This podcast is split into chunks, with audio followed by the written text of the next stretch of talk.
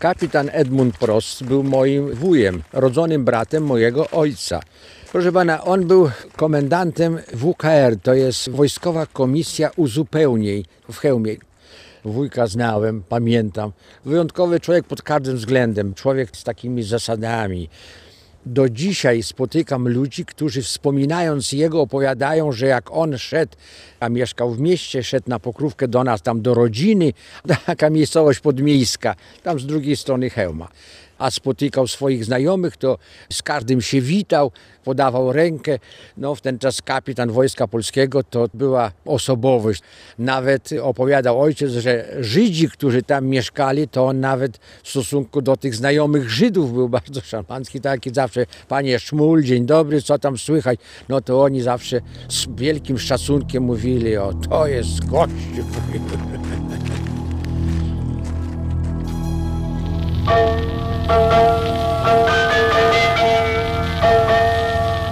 Halo, halo, tu Warszawa i wszystkie rozgłośnie Polskiego Radia. A więc wojna.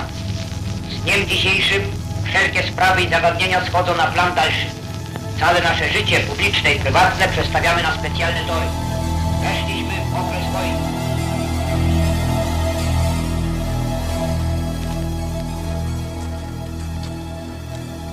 To, co się stało, to się stało tak nagle. Okupacja 39, koniec i właściwie początek 40 roku i zaczęły się te egzekucje masowe, rozstrzeliwania, łapanki i to było rzeczą straszną. Była wielka obawa, panika, co będzie dalej, jak to będzie się wszystko potoczy. Baliśmy się tych Niemców, szczególnie tych SS-manów, gestapowców, którzy na tych czapkach mieli trupie czaszki, to, to, to było straszne. Tu były bardziej zarośnięte krzaki, bo w tej chwili ten las się na jesieni zrobił rzadki. Wiosną jest tu bardziej zarośnięty, więcej zieleni, więc tu łatwiej było do skrycia się. Skąd taka nazwa Kumowa Dolina? Historie są różne, ale prawdopodobnie kum nadleśniczego był dzierżawcą tych terenów i tak stąd Kumowa Dolina. No nigdy nie dotarłem do żadnych źródeł, które by jakoś jednoznacznie stwierdzały, skąd powstała ta nazwa. Najbliższe gospodarstwa to są tutaj po drugiej stronie, miejscowość Rudka i tu mieszkał taki Węgrzyn, znajomy mojego ojca, siedząc schowany gdzieś w tych krzakach. I w ten czas zobaczył, jak samochodu wyprowadzano więźniów i wśród nich poznał tego brata mojego ojca Edmunda Prosta.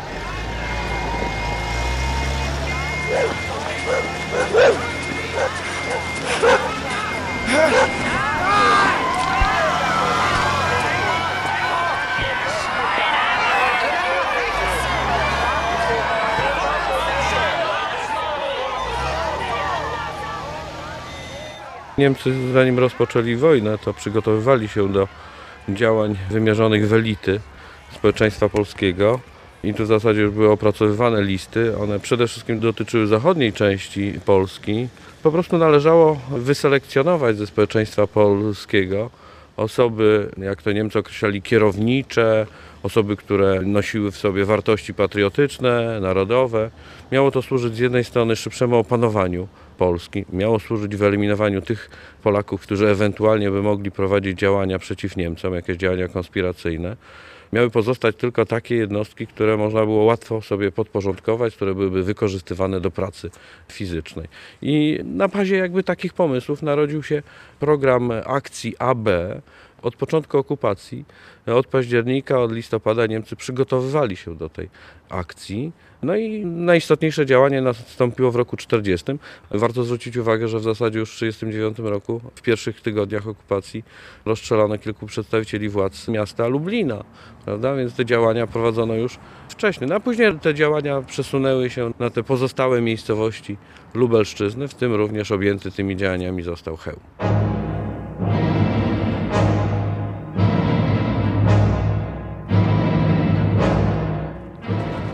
Kapitan Edmund Prost został aresztowany w ramach tej akcji AB wśród y, wielu innych Polaków.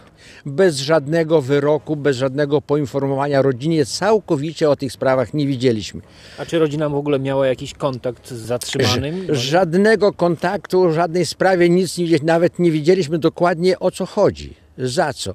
No ale domyślaliśmy się, bo aresztowania były masowo robione, całą inteligencję chemską w ten czas aresztowano. Więc myśleliśmy, że jakieś wiadomości, jakiś sąd, jakiś proces się będzie w tej sprawie toczył. Tymczasem całkowicie nic nie było.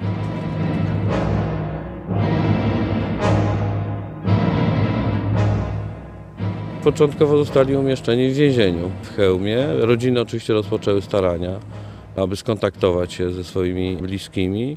No Niemcy tutaj jakby przekazywali szereg takich mylnych informacji i właściwie próbowali doprowadzić do takiego stanu, aby rodziny nie w pełni były świadome, co się stanie z tymi ludźmi.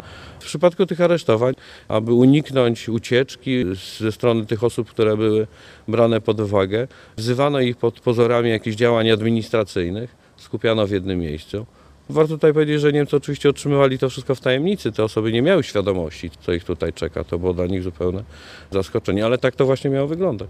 Aby uniknąć oporu, aby uniknąć ucieczek tych osób, które będą przeznaczone do likwidacji. Czy taki sposób postąpiono też z posłem na Sejm Wincentym Kociubą? Bo jest taka relacja, która mówi, że miał wejść do jakiegoś budynku na wezwanie Niemców i został ostrzeżony w kiosku, żeby nie wchodził tam. On powiedział, że jest człowiekiem honoru i spotka się z nimi. To znaczy istnieją takie relacje, one do końca nie są pewne, bo nie ma co ukrywać, że w niektórych przypadkach są to tylko jakieś pojedyncze relacje, nie mają osadzenia w innych relacjach, w związku z tym nie jesteśmy tutaj dokładnie pewni. No ale w przypadku posła Kociuby też właśnie pojawia się taka informacja, że, że w zasadzie dał się aresztować. Być może zawitała mu w głowie myśl, że jednak to wszystko nie zakończy się tak, jak podejrzewano. Zresztą większość z tych aresztowanych nie przypuszczała. Na przykład przedstawiciele władz miejskich do ostatniego dnia praktycznie działali w tych władzach miejskich i właściwie to było zaskoczenie, że jednak Niemcy zdecydowali się na ich wyeliminowanie. O, w tej chwili właśnie dochodzimy do tej drogi, gdzie mogły dojechać te samochody.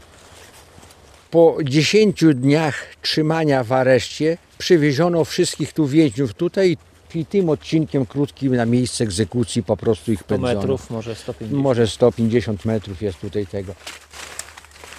Wcześniej również w Kumowej Dolinie były pojedyncze egzekucje, które wykonywali Niemcy na Polakach. Ale główna egzekucja, największa jaka tu się odbyła, to były 3-4 lipiec 1940 roku. No już zbliżamy się do samego miejsca tragedii pod pomnik, który tutaj został postawiony. I ten dół, tak jak pan tu widzi, tu było takie wyrobisko piasku, zakryte od góry drzewami. Żadnego dostępu ludzie tutaj nie mieli. Także to miejsce doskonale tutaj im się nadawało do tego typu egzekucji trochę zaciszne i oddalone trochę od centrum miasta. No ale najbliżej miasta położone, także na takie egzekucje to było takie z premedytacją wybrane.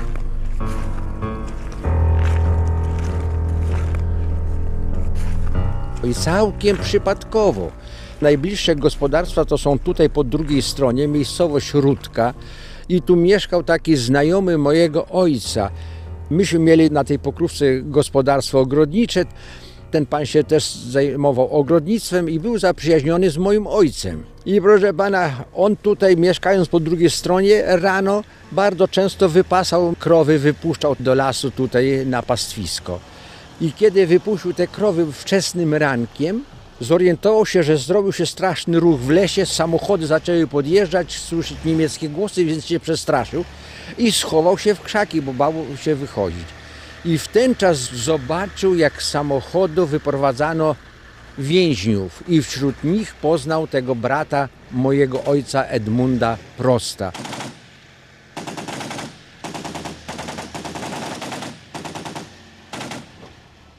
Z tych krzaków nie wychodził, bo się bał, ale po pewnym czasie usłyszał strzały, więc się zorientował, że najprawdopodobniej odbyła się egzekucja. Dosyć długo nie wychodził, aż ucichły te ruchy tu na terenie Kumowej Doliny, ucichł warkot samochodów, więc dopiero wyszedł z tego krzaku, ale bał się tu iść w to miejsce, bo nie wiedział, czy tu jakaś straż została, czy nie. Dopiero to zrobił na drugi dzień rano i zobaczył spalone zwłoki tych rozstrzelanych ludzi, ale patrzył się tylko bardzo krótko, bo się bał, żeby go nie zobaczono. I dopiero wychodząc z tego lasu, koniecznie chciał poinformować ojca mojego, że najprawdopodobniej tu zginął ojca mojego brata, ten wuj Edmund Prost. I przybiegł do nas na tą pokrówkę, gdzie mieszkaliśmy i poinformował ojca, że prawdopodobnie Niemcy rozstrzelali twojego brata. No i myśmy, jeszcze żył w ten czas dziadek mój, ojciec tego Edmunda, postanowili tu przyjechać. Okazuje się, że teren zamknięty, że tu nie wolno było wchodzić. Wojsko stało, nie widzieli co się dzieje, czy oni tu ekshumacje jakieś robią, czy zabierają te szczątki. Okazało się później, dopiero po kilku dniach, kiedy mogli wejść tu na teren tej Kumowej Doliny, że ponieważ te ciała nie bardzo zostały spalone, zostało dużo kości i niedopalonych szczątków ubrania, więc oni tu przyjechali, przyprowadzili z jednostki wojskowej, która tu była obok niemieckiej, konie i te konie tu jeździły w koło, wdeptując te resztki kości z piachem mieszając i właściwie te konie stratowały pozostałości po tym spalonych zwłokach. Jak przyszedł mój ojciec i dziadek, zaczęto szukać w piasku różnych jakich pozostałości.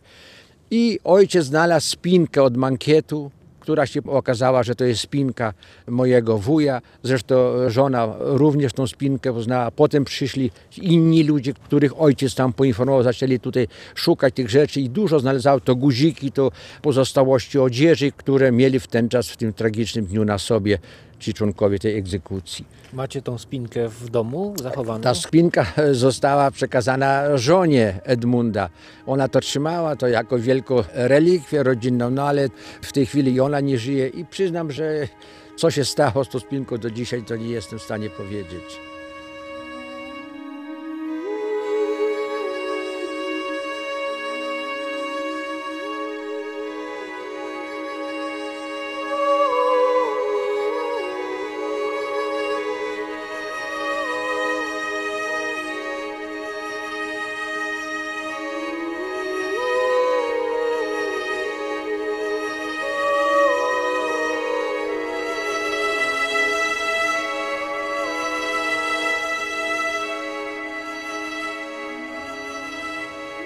Jeśli chodzi o egzekucję w Kumowej Dolinie, to mamy problem, bo oczywiście najbardziej spektakularna to jest ta data trzeci, czwarty. Najczęściej podejrzewa się, że w tych dwóch dniach przeprowadzono egzekucję, chociaż istniały również koncepcje, że jednego dnia przeprowadzono tą egzekucję, a później prowadzono jakieś inne działania. No istnieją również podejrzenia, że już wcześniej, nawet i y, w czerwcu, coś tam się działo w tym miejscu. No nie mówiąc też o tym, że podejrzewa się, że to miejsce było wykorzystywane również później.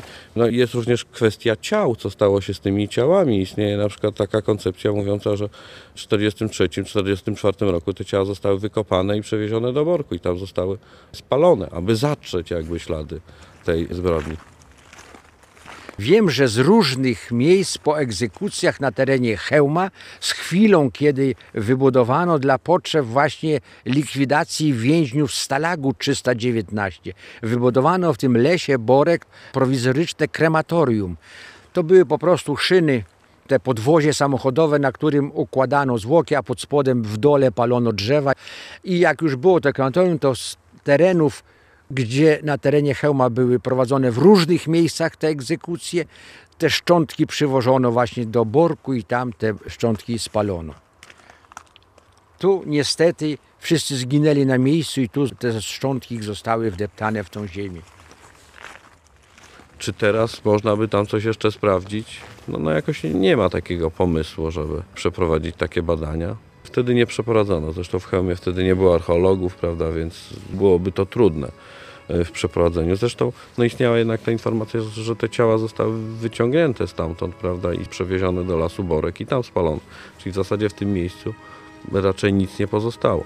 Jaka jest prawda? Nie wiemy.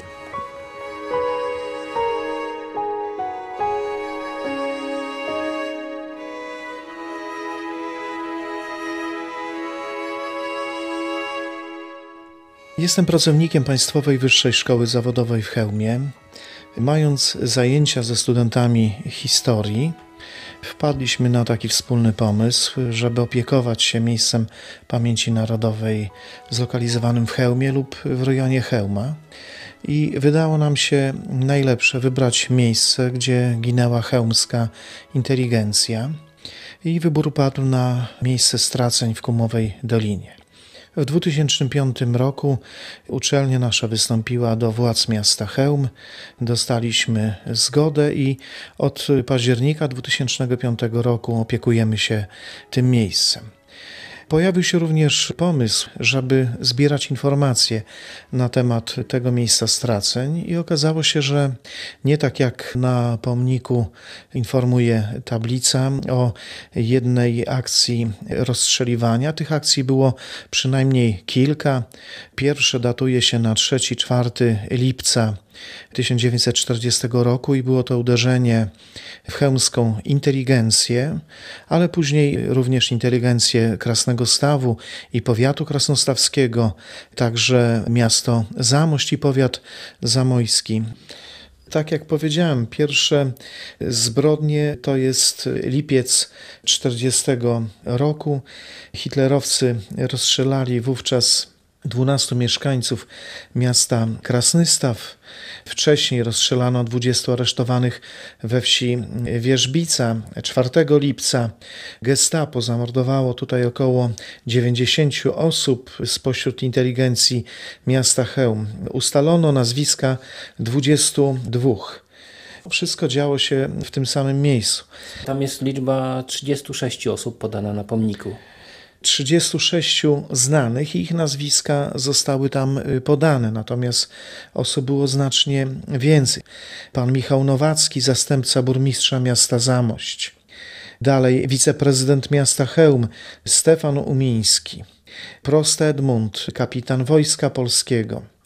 Sztaba Jan, dyrektor lub zastępca dyrektora cukrowni Rejowiec doktor medycyny, major Wojska Polskiego Żurawski Kazimierz.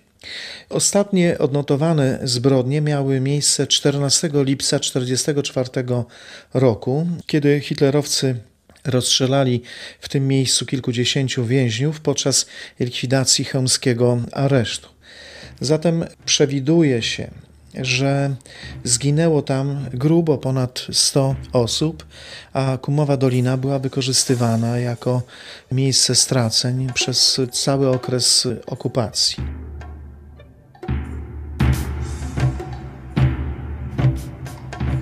Do szkoły chodziłem na Pielichonki.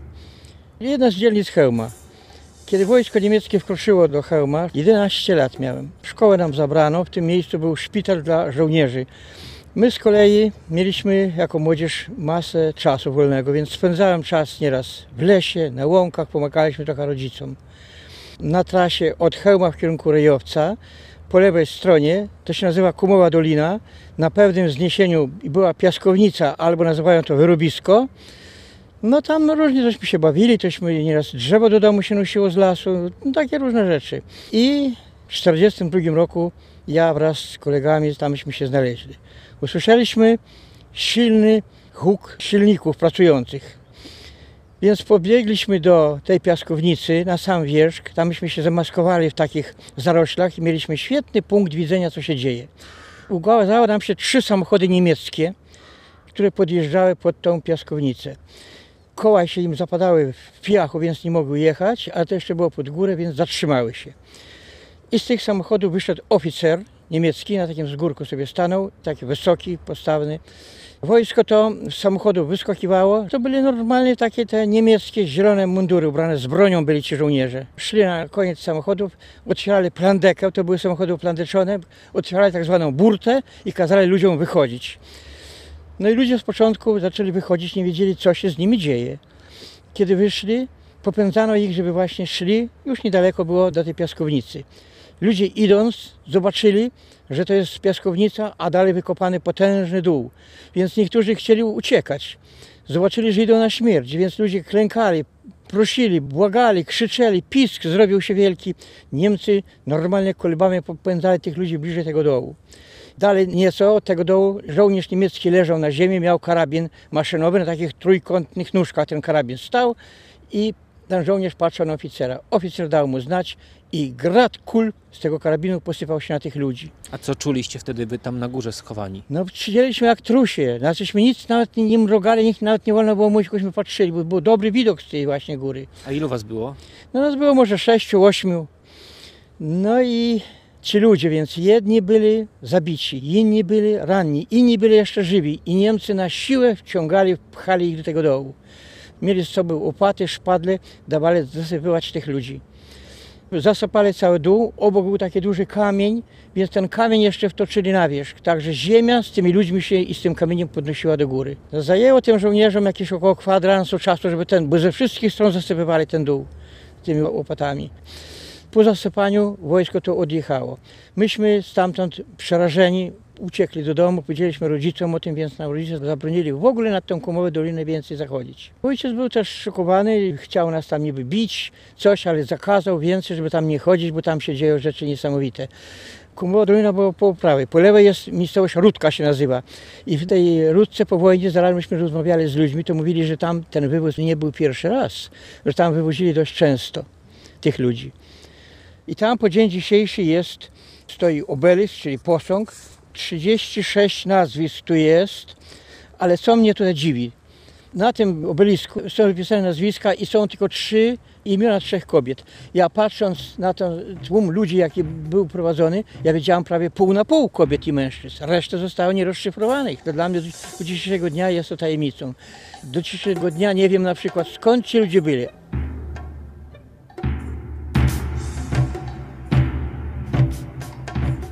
No trudno mi powiedzieć, czy jest to wiarygodna relacja. To jest możliwe, bo Niemcy aż tak mocno nie zabezpieczali terenu, chociaż właściwie takie mocno bliskie podejście nie było możliwe. W tych różnych miejscach, gdzie realizowali takie egzekucje, to no w jakiejś tam odległości od tego miejsca, gdzie przeprowadzono egzekucje, były posterunki niemieckie, aby pilnować tego miejsca przed niepotrzebnymi świadkami.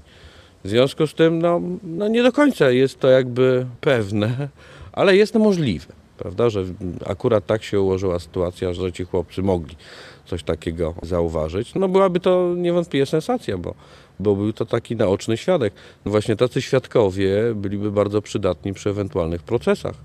To na bazie w zasadzie takich właśnie świadków można kogoś tam oskarżyć o udział w takich zbrodniach.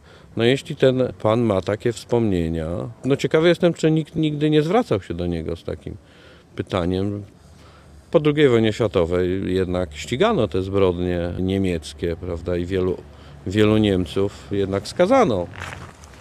Czy wy jako rodzina próbowaliście dowiedzieć się, kto personalnie odpowiada za tą egzekucję, za śmierć? Nigdy nie staraliśmy się w czasie okupacji dociec, bo to było rzecz nie do pomyślenia, żeby jakiekolwiek interwencje w stosunku do władz niemieckich robić i szukać jakiegoś wyjaśnienia tej sytuacji.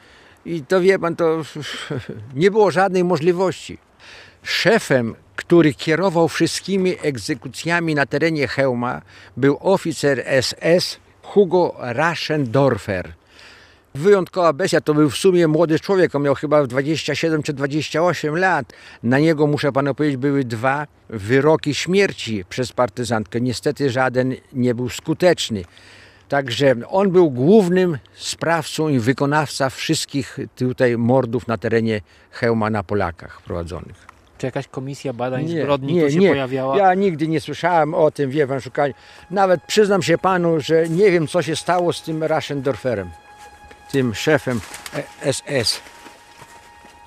No, u nas jest audycja o nim, będę musiał posłuchać. O tym Raschendorferie? Tak, ale to gdzieś lat 70. może. Hmm.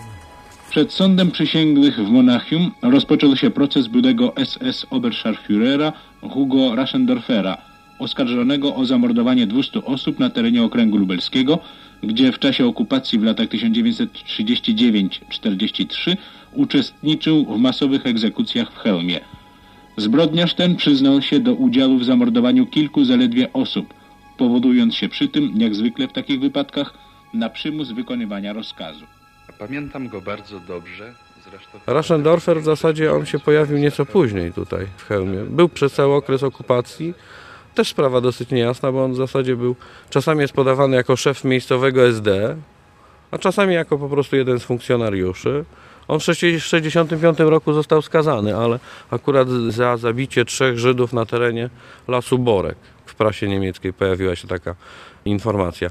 Czyli jeśli nawet były próby związania z nim jakichś innych zbrodni, to one były nieudane, bo oczywiście tych materiałów nie było. Czyli on się pojawił po lipcu 40 roku? Tak, tutaj? raczej w późniejszych latach, bo w 40 roku nie były te struktury władz niemieckich, tych organów bezpieczeństwa, one nie były tak jasno jeszcze uregulowane, można powiedzieć. One się dopiero później kształtowały, więc on się pojawił później, w związku z tym trudno go obciążać, prawda?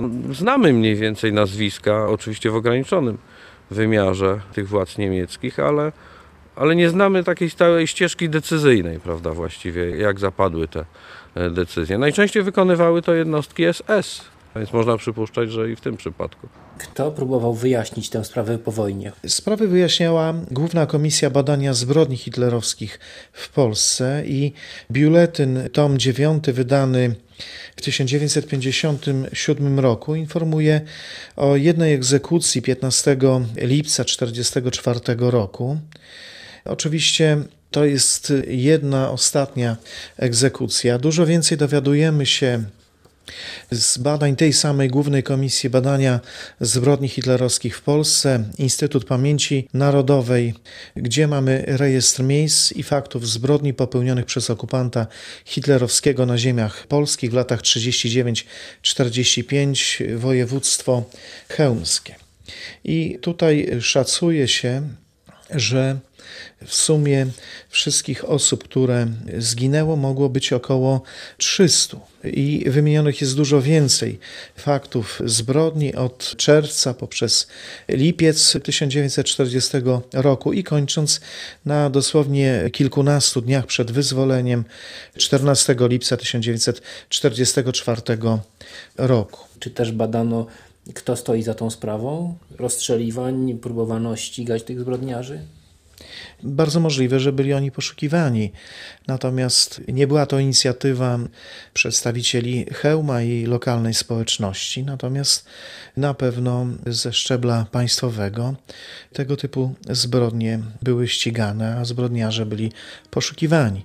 W tych dokumentach, które posiadam, których autorem jest Główna Komisja Badania Zbrodni Hitlerowskich w Polsce, wymieniane są takie oto określenia jak hitlerowcy, funkcjonariusze Gestapo i w zasadzie tylko te dwa pojęcia, jakie po prostu widzę. Ale biorąc pod uwagę, że głównie dotyczyło to osób aresztowanych i którzy przynajmniej choć krótko byli w areszcie, należy sądzić, że przede wszystkim są to zbrodnie Gestapo.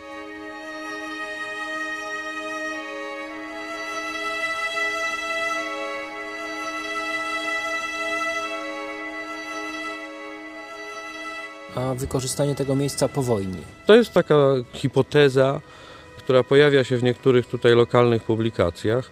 Oparta jest na relacjach miejscowych ludzi, mówiących, że właśnie po zakończeniu okupacji, kiedy na te tereny wkroczyła już Armia Czerwona, czyli po tym formalnym wyzwoleniu, to miejsce nadal było wykorzystywane jako miejsce dokonywania egzekucji i miały to wykorzystywać polskie organy bezpieczeństwa, jak również rosyjskie, które tutaj działały. No i między innymi w tym miejscu mieli zostać rozstrzelani podchorążowie, którzy zdecydowali się na opuszczenie istniejącej w Chełmie szkoły podchorążych. W gmachu istniała oficerska szkoła artylerii, natomiast w budynku szpitala, czyli w dawnym urzędzie gubernialnym, istniała oficerska szkoła pancerna.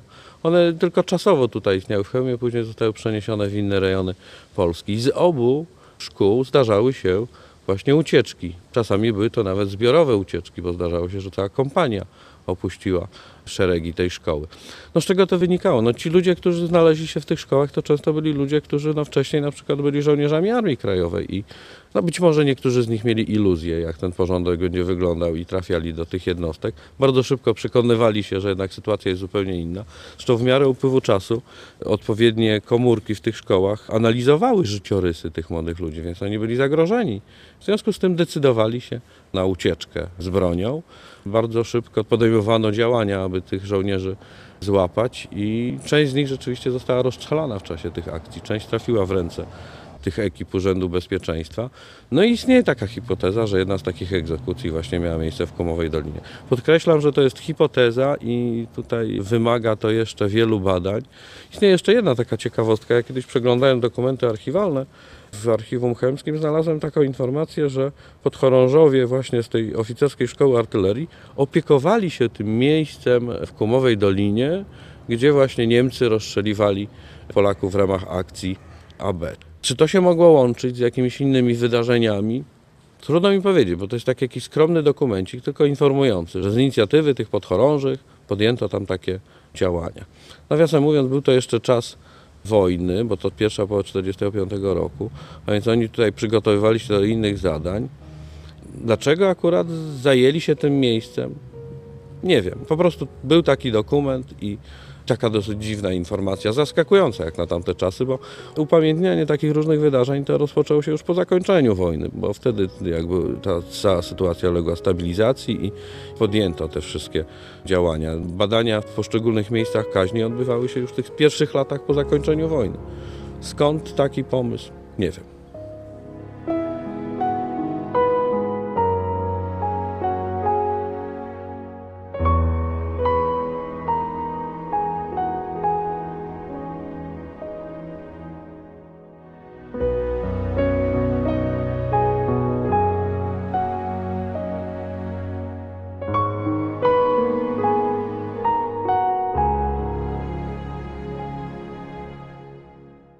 Jak to bywało w okresie PRL-u w 20. rocznicę postanowiono upamiętnić to miejsce i postanowiono ustawić tam obelisk z tablicą pamiątkową.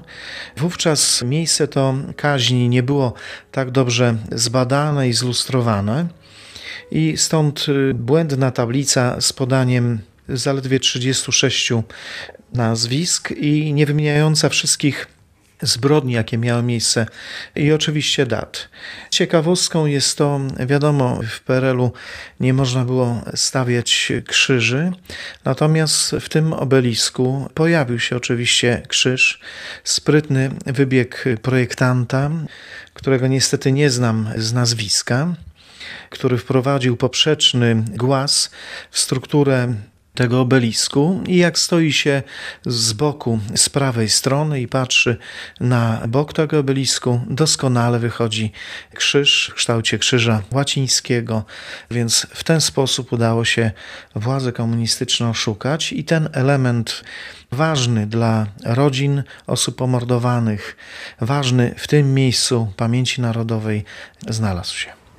Ten pomnik projektował Edward Kotyło artysta z Lublina, który nawiasem mówiąc projektował większość tutaj tych pomników takich związanych z II wojną światową, bo zarówno tą konstrukcję na terenie cmentarza wojennego w Lesie Borek, jak również ten pomnik na cmentarzu przy ulicy Młodowskiej.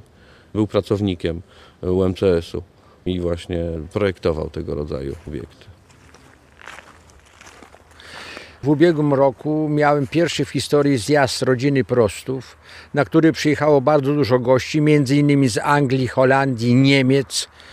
I tu właśnie mieliśmy to pierwsze spotkanie nostalgiczne w tym miejscu, bo tu zginął mój wuj, jeden z zasłużonych członków naszego rodu. I było mi bardzo przykro, że wchodziliśmy na teren całkowicie zaniedbany, droga praktycznie niedostępna. No całe szczęście, że w pobliżu jest strzelnica i do tej strzelnicy zrobiono drogę, natomiast tutaj nie uporządkowano nic. Różnymi sposobami no, starałem się wpłynąć na to, żeby ten teren jakoś uporządkować, a przede wszystkim oznakować, żeby tu dla osób przybywających w to miejsce łatwo było trafić i dojść do tego miejsca. No nie chciałbym mówić konkretnie, ale w zarządzie miasta interweniowałem. Zarząd miasta scedował to na gminę, ponieważ to jest teren gminy. Gmina scedowała na leśnictwo, bo to teren jest nadleśnictwa. I tak odbijano piłkę i niestety do tej pory nic w tej kwestii nie zrobiono. To jest od ubiegłego roku, ale ta sytuacja trwa już kilka ładnych lat, jak nie powiedzieć kilkanaście. Bo kiedyś, chcę panu powiedzieć, był taki dobry zwyczaj, że patronat w hełmie nad miejscami pamięci narodowymi spełniały szkoły i młodzież w ramach godzin wychowawczych przechodziły, porządkowały ten teren i ten teren był zawsze zadbany, uporządkowany. Niestety zmieniło się, nie wiem dlaczego i ta sytuacja wygląda tak, jak w tej chwili pan to widzi. Z żadnego tutaj miejsca, gdzie wdziodą te ścieżki, nie ma żadnego znaku, który by wskazywał, w którym miejscu znajduje się to miejsce tragedii. Rzeczywiście jest to błąd. Możemy się umówić, że w ciągu niedługiego czasu takie drogowskazy pojawią się i uczelnia oznakuje miejsce, które pozwoli dotrzeć do tego miejsca pamięci narodowej. Uczelnia nie afiszuje się z tym, ale staramy się dbać o porządek tego miejsca. Przeprowadzona została drobna inwestycja za kwotę kilkunastu tysięcy złotych. Poprawiony został ciąg pieszy doprowadzający do pomnika. Przy pomocy nadleśnictwa wycięto drzewa i chaszcze.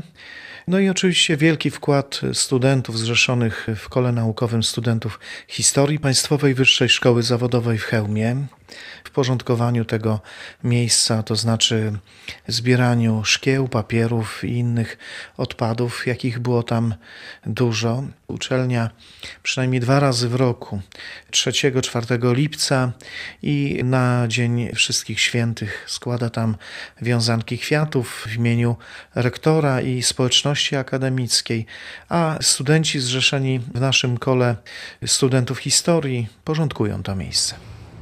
Była swego czasu taki znak, że tam miejsce pamięci narodowej, ale niewątpliwie niektórzy mają problemy z trafieniem w to miejsce. Mogłoby to być lepiej oznakowane.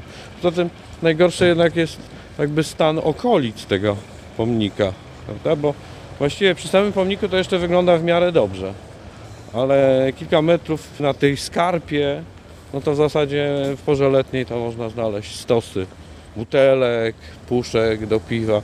Obawiam się, że dla niektórych mieszkańców Chełma jest to miejsce, gdzie nie trafiają w celu poznania historii. Jak jest ze świadomością? Swego czasu w mojej szkole organizowałem taki rajd, kilkugodzinny rajd, który miał na celu przejście przez miasto i między innymi młodzież miała trafić do kilku takich miejsc samodzielnie, bo to był taki rajd jakby na orientację trochę.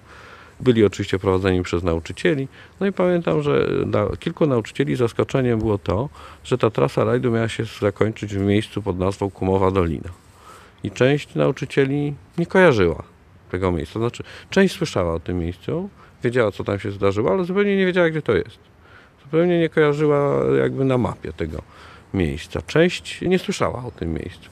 Więc obawiam się, że jeśli nauczyciele mieli taką świadomość, w sumie dorośli ludzie, no to oczywiście znajomość tych faktów jest bardzo ograniczona. Dawno temu to było? Rok temu. A więc można powiedzieć, że niedawno.